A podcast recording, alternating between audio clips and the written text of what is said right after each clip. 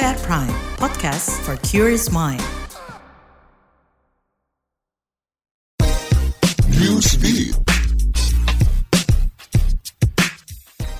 Akibat gelombang panas, salah satu danau tertinggi di dunia, Titicaca yang berada di Amerika Selatan berangsur jadi gurun. Hal ini disebabkan kekeringan parah yang menyebabkan danau tersebut kehilangan 120 juta metrik ton air per tahun. Padahal, selama ini Danau Titicaca menjadi salah satu sumber penghidupan warga setempat, seperti jadi tempat pariwisata, agrikultur, dan mencari ikan. Diperkirakan kekeringan berkelanjutan mampu memperburuk perekonomian masyarakat setempat menjadi tuan rumah penyelenggara konferensi tingkat tinggi KTT G20. India mengubah nama negaranya dengan nama Sanskerta Barata. Perubahan ini tertera pada undangan makan malam KTT G20. Usai mengubah namanya, India pun menjadi perbincangan dan viral di media sosial. Perubahan nama India itu pun tak lepas dari kontroversi, sebab ada yang mengkritik juga mendukung pilihan pemerintah India mengganti namanya pada undangan makan malam KTT KTT G20.